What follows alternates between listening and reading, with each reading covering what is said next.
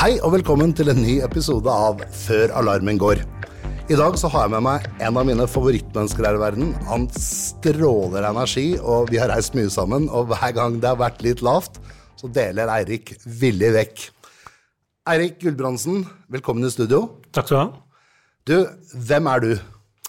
Erik Gulbrandsen, jeg har jobba i Datatilsynet. Kommer tidligere fra eh, opp på siden kommersielle siden, the dark side, som det også kalles. Der du møtte meg? Der møtte jeg deg, på the dark side. Ja. Så jeg har en bakgrunn fra kommersiell informasjonssikkerhet. Jobbet i IBM bl.a., jobbet i flere selskaper i Norge, også internasjonale selskaper. Eh, og også da vært med Athea, f.eks. på deres eh, informasjonssikkerhetsdager. Da. Ja, stemmer var med på sikkerhetsdagene. Men vi hadde jo veldig veldig mange gode faglige diskusjoner, Erik. Det var en av de altså, Ja, du har jobbet i store selskaper. Ja, du forstår hvordan business henger sammen. Men eh, du var også veldig god på å kunne være med å spå i kula og se hva trenger markedet. Ikke sant? Hva kommer? Og vi begynte jo reisen for mange år siden eh, når vi pratet om det som het personvernsforordningen. Ja, det var en interessant likning som dukka opp. Eh, og den skapte jo mye fokus på akkurat informasjonssikkerhet, mm. interessant nok. Eh, og det veldig fort så, så jeg det at, det at dette aspektet da, ved informasjonssikkerhet, personvern, var veldig interessant å jobbe med. Og det ga også mye oppmerksomhet blant de som er ledere, f.eks. Så det var et veldig fint verktøy for å komme i dialog med virksomhetene på. Ja, det var jo akkurat det vi også så i den kommersielle bransjen. At vi hadde jo de verktøyene som virksomhetene trengte. Og da trengte vi noen som var smarte nok til å skjønne argumentasjonen og lovverket slik at vi kom i posisjon, og det ble deg, det. ja, nei, vi brukte mye tid på å selge pedagogikken, vi gjorde det. Ja, vi gjorde det. Eh, og vi har jo, som jobba mye med informasjonssikkerhet i mange år, jobba jo 20 pluss år. Mm og har fått mye blanke blikk tilbake når du snakker om tre- og firebokstavforkortelser osv. Og, så og mye av jobben vi gjorde, var jo det å gjøre dette relevant. Mm. Relevant for de forskjellige aktørene i virksomhetene. Og det tror jeg vi lykkes ganske bra med. Ja, vi gjorde det absolutt. Vi brøytet jo vei for det som på en måte i dag er drift- og overvåkningstjenester, alle disse tingene, ta vare på personvern. og da vi begynte å prate om det, så ble det kublikk veldig fort på folk når vi snakket om det. altså. Ja.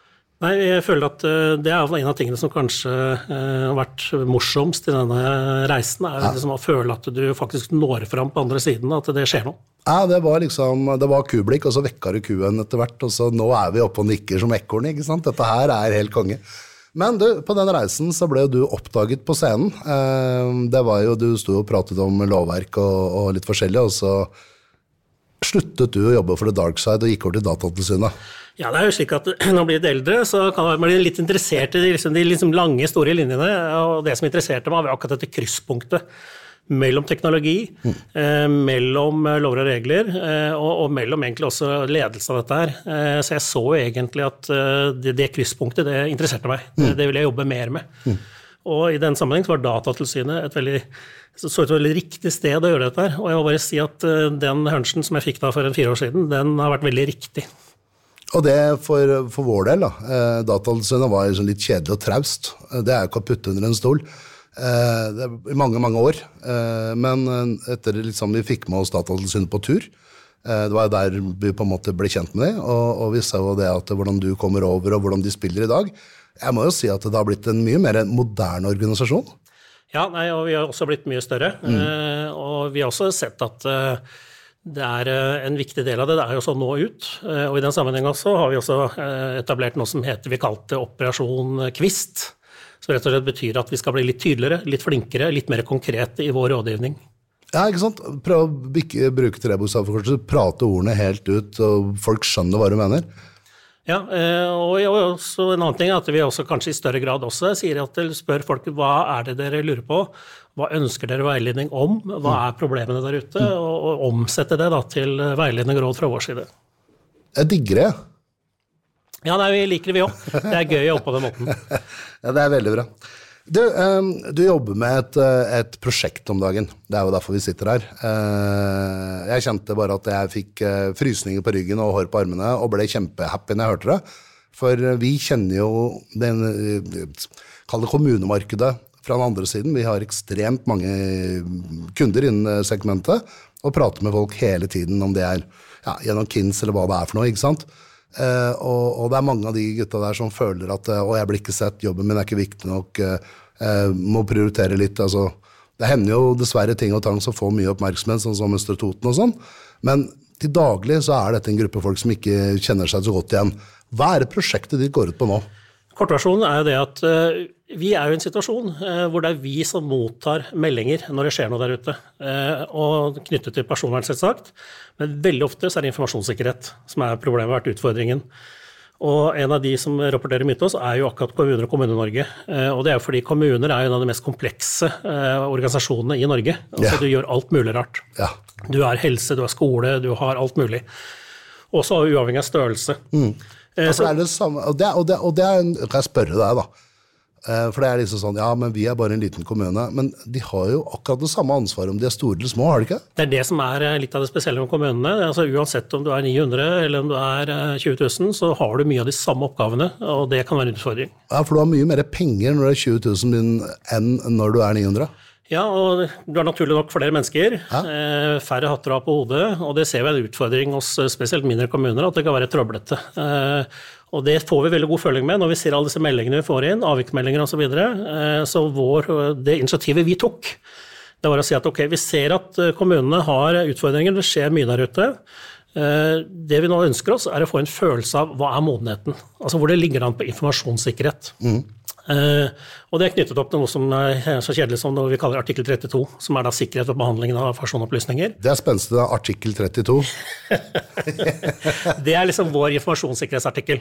Kult. Og Der forankrer vi liksom hvorfor vi går ut og spør om dette her. Så det vi gjorde, vi har sendt et brev til 93 kommuner, eh, fem fylkeskommuner, hvor vi har spurt en rekke spørsmål eh, om, eh, om, ting som er knyttet til informasjonssikkerhet, og bedt om svar på det. Så vi har nå sittet egentlig de siste månedene og gjennomgått et materiale vi fikk tilbake. Så det er den første fasen av dette kommunetilsynet da, mot ca. 100 kommuner og fylkeskommuner. Når du sier sendt ut, er det, er det en del av tilsyn? Hvordan, hvordan, hvordan henger dette sammen? Ja. Når du sender et brev, så kalles det når vi sender et brev, så kalles det et, et brevlig tilsyn. Brevlig tilsyn, ja, det er det vi har gjennomført? Ja. Så vi, vi, kjører en skriftlig anvendelse og ber om et svar etter visse kriterier. Mm. Eh, og i denne sammenhengen så har vi gjort noe som er litt nytt. Eh, vi har først kjørt en runde med det vi kaller et brevlig tilsyn. Og basert på dette brevlige tilsynet så kommer vi til å gjennomføre et stedlig tilsyn. Da drar vi fysisk ut til et del, del utvalgte kommuner og ser på hvordan de faktisk har gjennomført ting i praksis. Kult. Eh, hvordan, hvordan, blir det mottatt når, altså, Jeg vet når jeg For verste for meg ja, Går gjennom hele skatten eller et eller annet sånt, får brev fra politiet i posten eller noe sånt, da får du litt angst. Hvordan opplever da, da IT-sjefer ute hos kommunene å få et brev fra dere? Eh, altså, jeg tror det oppfattes litt forskjellig i forskjellige deler av organisasjonen. Eh, det vi opplever, er at de operative personene syns det er veldig bra. For nå nå får de fokus på hva de driver med? Nå får de fokus på det de driver med, nå får de kanskje litt drahjelp. Ja. Eh, vi opplever også at det er kommunedirektører som syns det er greit. De kanskje, kanskje litt mer på at dette er en jobb som skal gjøres. Mm. Eh, men eh, stort sett har vi hatt veldig gode tilbakemeldinger på at vi nå tar denne runden og, disse, og spør om hvordan de gjør informasjonssikkerhet der ute. Så kult. Men det krever, jo, det krever, jo, at det er smartinger i Datatilsynet som faktisk skjønner teknologi på svarene. da. Ja, Vi sitter eh, sagt i denne seksjonen, da, som er teknologiseksjonen vår. Eh, vi er nå fem stykker som er en del av dette, dette tilsynet, så vi er mye mennesker som jobber med det også. Og vi har brukt mye tid. Det er 25 hver, da? Riktig. Ja. Så jeg for min del også sitter da, sitter på 2030, og sett på liksom total dokumentasjon, som nå går da på alt fra Eh, strategi eh, for informasjonssikkerhet, eh, strategi for risikovurderinger, overordnet sikkerhetsstrategi. Og så har vi også gjort et lite grep inne der. I tillegg til å spørre om disse liksom overordnede papirgreiene, mm. så har vi også valgt to ting. Det ene er autentisering.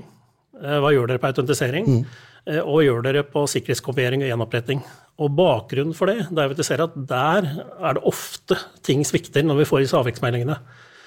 Man har kommet inn, Eh, pga. systemer som ikke har, vært, har, gode nok løsninger. Og så ser vi også at det har vært hendelser, og Østre Toten er et godt eksempel på det, hvor, hvor backupen ikke har fungert som den skulle. Så autentisering, altså for de som lytter på dette her og ikke skjønner hva det er, Erik, hva, hva er det? Kort for det, ha kontroll på hvem som får tilgang til informasjonen din. Ikke sant. Og identitet blir viktigere og viktigere nå, altså. Det blir viktig, og vi ser det skjer mye både i Norge og på EU-nivå. Mm. Eh, men et annet aspekt er liksom hvordan du gjør det i praksis, helt ned på bakken. ikke sant? Ja. Eh, hvem skal ha tilgang til hva? Har vi kontroll på det? Har vi styringssystemer? Og styringssystemer også er en litt sånn kjedelig ord. Men det er også viktig for å kunne prioritere f.eks. å vite hva skal vi gjøre først, hva skal vi fokusere på. Så det er også tingene vi spør om, ikke sant? styringssystemer ute i kommunene. Ja, for dette er så viktig at når man hører på, så sier man ah, dette har jo alle, men Stortinget ble kompromittert to ganger etter hverandre. Ja, og vi ser hva som skjedde i sommer. Det var tolv departementer mm. som også ble utsatt uh, for en hendelse. Men de hadde vel alt på plass? Vi får se. I den sammenhengen så kom det ganske tydelig fram at det var en såkalt zero day-hendelse. Ja. Men uh, så er det jo dette her med at ja, alle kan utsette for hendelser. Det er mm. greit. Mm. Det er ingen som skal straffes i seg selv for å ha blitt utsatt for en hendelse. Nei. Men det er konsekvensen av det som teller. ikke sant? Ja. Eh, du kan få en hendelse, og så kan du få store konsekvenser, Østre Toten. Mm. Eller det kan være små konsekvenser, som det også er veldig gode eksempler på. Men når dere går inn etter en hendelse, dette er litt ofte det vi prater på, men uh, nå er du i studio, så nå, nå er jeg fanga deg. Eh, når dere går inn, datastyrt går inn, og så kan man gi en sånn bot og det ene med det andre, ikke sant. Det dere ser på, det er vel hvilket forarbeid man har gjort. Om man har tofaktor, om man har tenkt gjennom er det styringssystem, er det digital overvåkning, har man disse rammeverkene på plass. Er, det, er ikke det litt av de som er beslutningsgrunnlaget på jo, og jeg vil bare understreke også én ting. er at Når vi går inn i en slik situasjon, mm. så kan det også være som, eh, som veileder og bidragsyter. Mm. Eh, I f.eks. Eh, eksempelet Østre Toten, så var vi jo aktivt inne og mm. hjalp kommunen med å, å, kanskje strukturere litt ting knyttet til akkurat personlig aspekt av det, hva de skal fokusere på osv. Så, vi også velger å gå inn og være stø, en, en, støttefunksjon når det skjer noe. Så, så dere har den funksjonen, de menneskene som kan det også? Eh, altså ikke, det er ikke noe vi gjør eh, systematisk og, og nødvendigvis overalt, Nei. men i situasjoner hvor kommunen helt klart sier at eh, vi trenger hjelp, mm. så kan vi også være villige til å stille opp på det. Du har helt rett. Noe av det første vi gjør etter å ha vurdert hendelsen, og det er en av bakgrunnene for liksom hvorfor skal vi ha denne beskjeden, er jo å hjelpe f.eks. kommunen med å finne ut hvor alvorlig er hendelsen. Mm. Slik at vi også kan bistå og bidra til å la de liksom gjøre en vurdering av det. Hva må vi gjøre? Skal vi informere de som er blitt utsatt for noe, osv. Mm. Og så kommer det veldig fort, det du sier. Eh, vi begynner å se på hva var situasjonen eh, før noe skjedde. For vi ser jo det veldig ofte at eh, mange steder så tas det gode grep, skikkelig skippertak, når det har skjedd noe. Ja. Men det er også veldig interessant å se hva var situasjonen i forkant, og hvorfor var den slik den var. Mm. Ja, vi ser jo det, vi som jobber kommersielt, at etter at det har skjedd sånne ting, etter at det har vært i media, etter at en eller annen stakkar står med lua i hånden og syns ting er trist, da er det jo andre som kontakter oss og spør du, kunne dette skjedd oss? Og da er jo svaret vårt dessverre at ja, det kan skje alle, ikke sant? Ja. Og det som er viktig i den settingen der, er jo det at uh, det trenger ikke å skje deg. Dvs. Si, hendelsen kan du utsettes for, mm. men konsekvensen kunne du gjort ganske mye med for å redusere.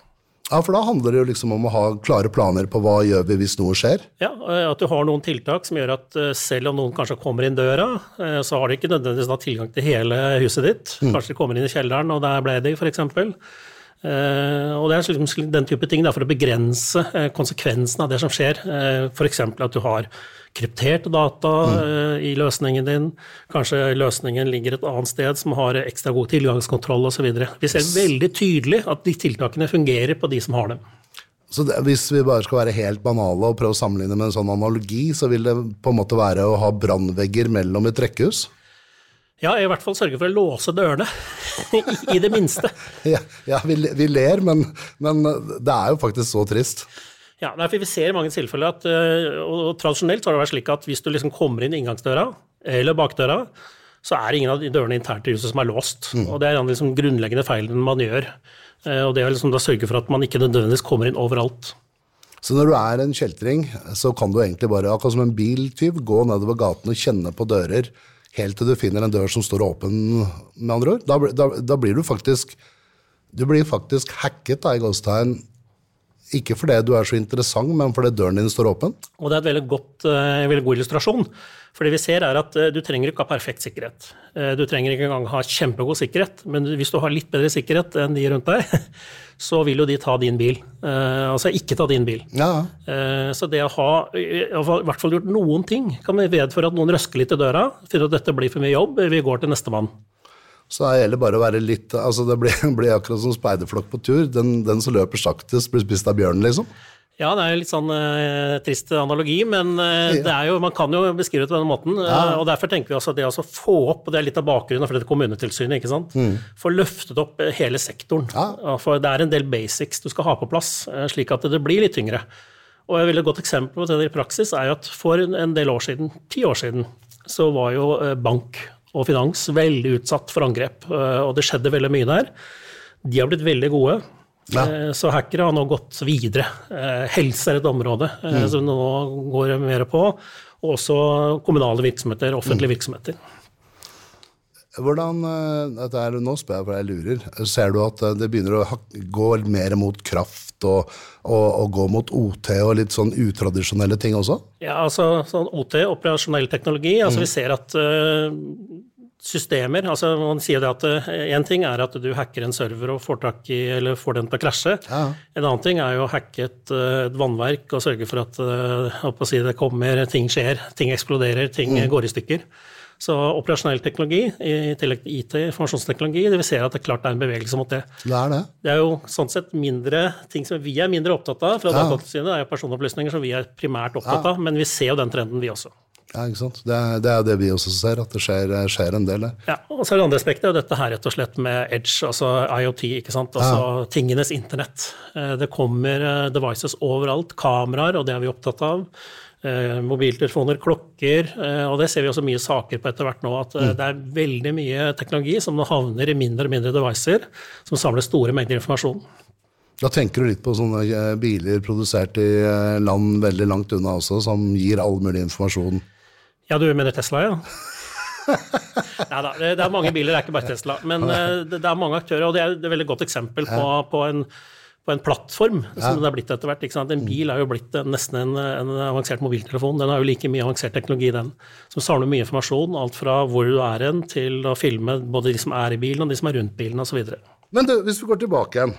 Um, vi har jo da sett for oss eh, det var, det, det var 97 kommuner og fem fylkeskommuner. 93 og fem fylkeskommuner, ja. Nettopp. Og når dere har vært igjennom, hva skal dere bruke all den informasjonen her til? Det har også vært en viktig del. Altså, hva, hvorfor gjør vi dette? Ja, ja. Eh, grunnen til at vi gjør det, er punkt én, vi ønsker å få en følelse av hvordan er tilstanden der ute. Mm.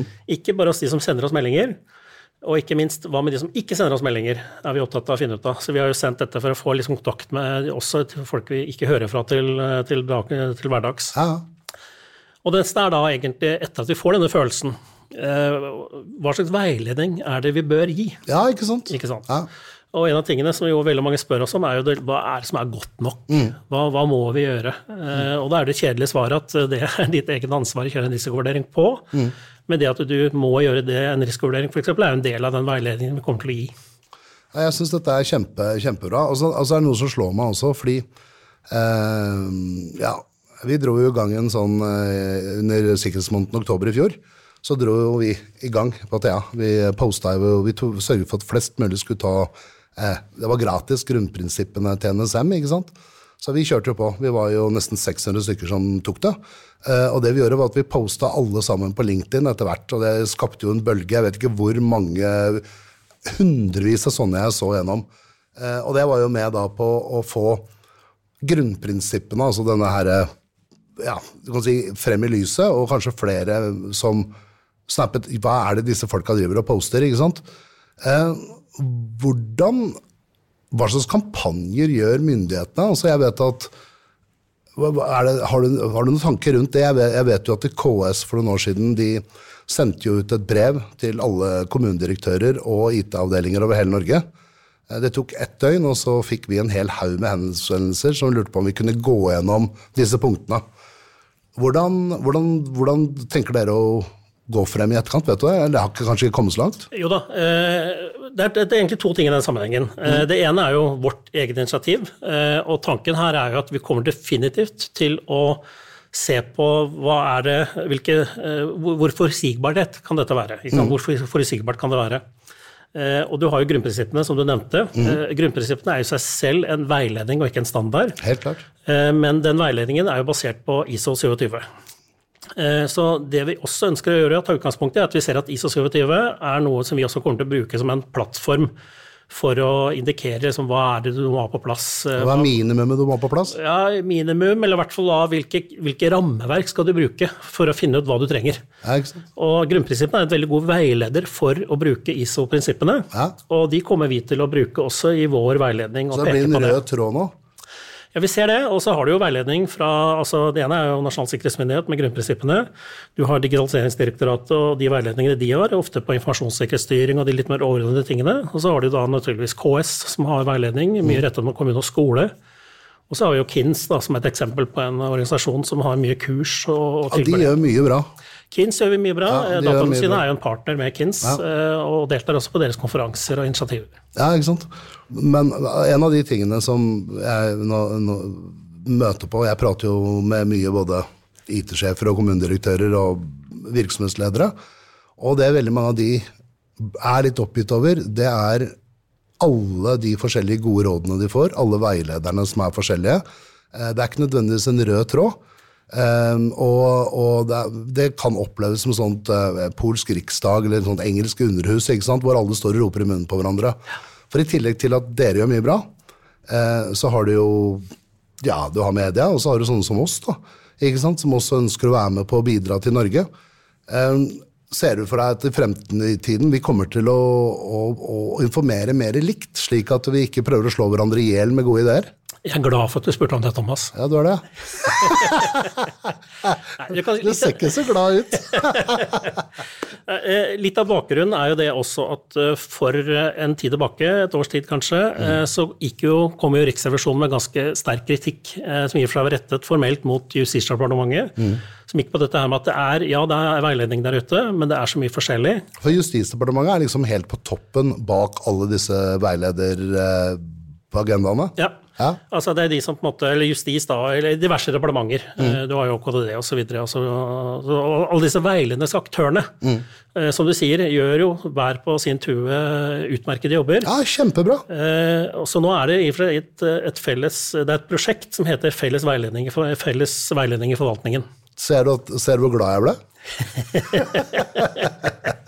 Så Digitaliseringsdirektoratet har i og for seg tatt initiativ til, eller fått oppgaven å sørge for at nå må de som driver med veiledning knyttet til informasjonssikkerhet, og da altså personopplysningssikkerhet, dere må liksom jobbe litt bedre sammen. Se på hva dere kan bruke av hverandres materiell, hvordan dere kan samordne, og som du sier, skape den røde tråden. Så er det også slik at Nasjonal sikkerhetsmyndighet har jo fått i oppdrag å etablere en sikkerhetsportal i, i, etter modell fra noe som heter sikkerhetsportal.dk i Danmark, eh, tenker jeg. Eh, Og der også er det meningen kanskje at flere av disse veiledningsaktørene skal kunne eh, være tilgjengelige da, og gjøre tilgjengelig sitt, sine veiledninger, f.eks. Ja, for det, altså, Både England og Danmark har kommet ganske langt på akkurat de tingene der. altså. Definitivt, og det er jo inspirerende å se at det går an å gjøre det. Og det, jeg tror nok det også er litt av målbildet her i Norge også, å få til noe av det samme, og se at du kan starte kanskje ett sted. Og det gjør det jo veldig veldig mye enklere for oss som jobber i kommersiell sektor, da, som, å, å bygge opp under. ikke sant? Ja, og vi ser jo også at uh, ta en annen aktør da, som uh, Næringslivets sikkerhetsråd. ikke sant? De har jo f.eks. en liste over de kommersielle aktørene som kan bidra hvis det har skjedd noe, f.eks. Ja.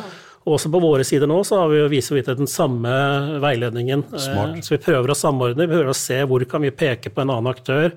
De andre aktørene kan peke på oss når det gjelder personopplysningssikkerhet og personvern. og Der begynner vi å få et veldig godt samarbeid. Ja, Det er jeg veldig glad for, fordi det vi har opplevd, da, kanskje litt som i kommersielt som vi jobber i altså, Vi, vi står faktisk for sikkerheten på, på 99 vi er alle virksomheter i Norge. Eh, Men allikevel så skal man ikke peke til oss som et godt råd, rett og slett fordi man ikke ønsker å gjøre forskjell, og det skal man ikke. Og det er det som er fint med den plakaten til Næringslivets sikkerhetsråd, at der har man ramset opp alle de som har bestått testen til Nasjonal sikkerhetsmyndighet. Så det, er all kudos til å bruke det. altså.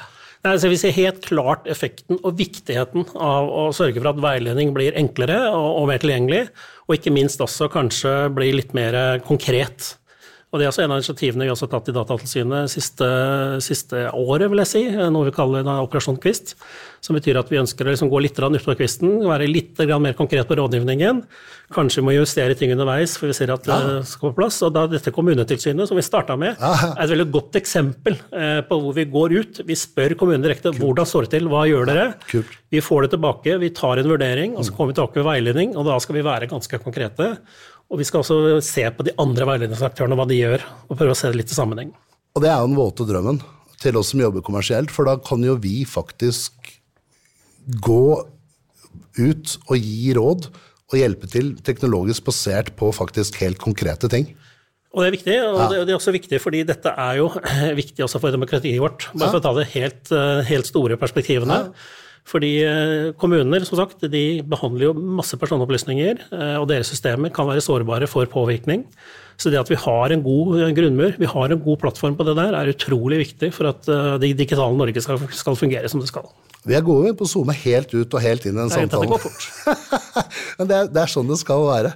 Du, um, um, den rapporten, når den er klar, når er den klar? Det er, sånn, det er to-tre år frem i tid, som vanlig? Ja, skal vi se. To-tre Nei, nei, vi er faktisk ferdig i midten av oktober. Det er helt sinnssykt. Så da skal den, denne veiledningsrapporten komme ut i første omgang. Og den bruker vi da som, eh, som en plattform for de stedlige tilsynene vi skal på etterpå. Eh, vi har da hatt sånn i underkant av 100 nå. Vi kommer til å gjennomføre stedlige tilsyn i første omgang eh, på ca. ti kommuner. Kanskje vi gjennomfører tilsyn med flere. Og det kan også være godt at vi kjører tilsyn da med kommuner som ikke har vært en del av det brevlige tilsynet. Så det kan være forskjellige årsaker til at vi gjør det. Og så vil jeg gjerne understreke at de, kommunene, de ti kommunene vi velger nå, eh, de har vi ikke valgt fordi vi mener de er spesielt dårlige, eller fordi de liksom ikke har gjort det de skal. Det kan være kommuner som har Vi ser at de har gjort en fantastisk fin jobb. Eh, la oss se hva de har gjort. Eh, og det er altså kanskje noe vi ønsker å gjøre er noen av kommunene som har gjort en veldig god jobb på mm. bestemte områder. Kan vi dele det? Eh, kan de andre kommunene få lov til å se hva de har gjort, f.eks.? Og det er en dialog vi skal ha da med disse aktørene. Jeg har noen tips til kommuner som har gjort en uh, veldig god jobb, som vi har sett. så kan jeg nevne det etterpå. Ja, det er veldig bra. Det dette var jakt etter, og det er den litt positive vinklingen som er litt viktig her. Mm. Altså Ja, vi er Datatilsynet. vi, vi, har en pålagt oppgave å gå inn ja. og i verste fall gi deg en OTG, altså overtredelsesgebyr, hvis du ikke har gjort jobben din. Eh, samtidig også så ønsker vi å ha denne, denne rådgivningsrollen, altså denne ombudsrollen, ikke sant? for å også hjelpe til å få det til å bli bedre. Jeg sitter jeg kjenner det, altså Selv om jeg kjenner det, så, så, så, sitter jeg her og føler jeg har litt respekt. Datatilsynet, det har man respekt for, Erik? Ja, og det funker. Og det føler jeg også fordi Datatilsynet har jo Vi har jo vært på diverse undersøkelser, og vi scorer høyt. Vi gjør det. det, det. Eh, fordi det gjøres et så solid arbeid hos Datatilsynet. Mm. Så det også må vi ivareta eh, og forvalte på en ordentlig måte. Og det håper vi gjør i denne sammenhengen. da. Du, det er jeg helt sikker på. Helt sikker på. Jeg, jeg kjenner at dette har vært en god, god samtale, og nærmer seg slutten. Og da, da pleier vi alltid å avslutte med å stille et par litt sånn spørsmål som vi gjør til alle som vi har til studio. Og det første jeg vil spørre deg om, og det her kan jeg nesten gjette svaret, tenker jeg, men hva er ditt beste sikkerhetstips? Jeg tenker litt på den der, eh, og Det kjedelige svaret på det, eh, det er at du må ha informasjonssikkerhetsstyring. Og Grunnen til at jeg sier det, er at eh, hvis du ikke har et styringssystem, så vet du heller ikke hva problemet er. Og Skal du liksom get your basics done, altså skal du få liksom basicen på plass, så må du ha en eller annen form for system og dette såkalte styringssystemet det må være en del av eh, internkontrollen din. ikke sant? Bare forankret til resten av organisasjonen. Så det er det, er det, liksom, det, er det kjedelige svaret. Det er liksom den, den liksom prosessbiten av det. Men, men bare sånn før slipperen, du sier et styringssystem. For mannen i gata, hva er et styringssystem? Det er altså rett og slett eh, et system hvor du sier at du har en plan, en strategi for hvordan du skal analysere hva du skal gjøre. Mm. Eh, hvem har ansvaret? Eh, hvilke oppgaver skal vi gjøre? Hvilke systemer skal vi beskytte? Altså Du har et system som beskriver denne prosessen for å identifisere, kartlegge, bestemme hvilke tiltak du skal gjøre, bestemme og prioritere hva du skal gjennomføre osv. Det var et innmari godt svar. Du har ikke vurdert å jobbe med dette her? Jeg har tenkt på det for flere år, faktisk. Du, det, siste, det, siste, spørsmålet er litt mer personlig. Hva er din favoritt-smartdevice? Jeg har tenkt på den litt også. Eh, jeg sitter med en eh, norsk teknologi rett foran meg, Remarkable. Ja. Som er liksom en sånn eh, skrivetavle. Fungerer helt utmerket. Og så tenker jeg at det er en dings til som er enda litt mer nerdete. Og det er at jeg er jo naturligvis, som mange andre, entusiast for smart homes. Så eh, jeg har da f.eks. mange sensorer hjemme, luftkvalitet og alt mulig rart. Eh, og jeg mener at det er litt min favorittdings. Okay. Og bare for å eksemplifisere det, så her om dagen så fant jeg plutselig ut at det er mye partikler i lufta. Oi. Hva er dette for noe? Ja. Jeg skjønner ikke hva det er. Det er ikke noe stekos, ingenting. Men det er mye partikler i lufta, så jeg må sette på med vifter og luftrensing osv. Så, videre. så jeg leser avisen her om dagen at jo, det er sand fra Sahara. Oi. Så jeg var tre dager tidligere ute da, før det det i avisen, fordi jeg er nerd da, og har disse greiene hjemme. Men det som skjer da, er at eh, la oss si at du f.eks. ikke har lufta nok. Eh, du trenger å lufte, du har CO2 på soverommet ditt, sover dårlig. Eh, når det skjer hos meg, så slår det på en lampe midt på natta, lyser rødt. Det syns jeg er veldig kult. Samboeren syns det er ikke kult. Jeg regner med at hun opplever at du er litt nerdete der. Gitt opp. du, Tusen, tusen takk for at du tok deg tiden til å være med oss i studio. Jeg har kost meg og fått masse god informasjon, og jeg tenker at lytterne våre har fått det samme. Takk samme, Thomas. Og til dere der ute, stay tuned. Det kommer snart en ny episode av Før alarmen går. Vi høres.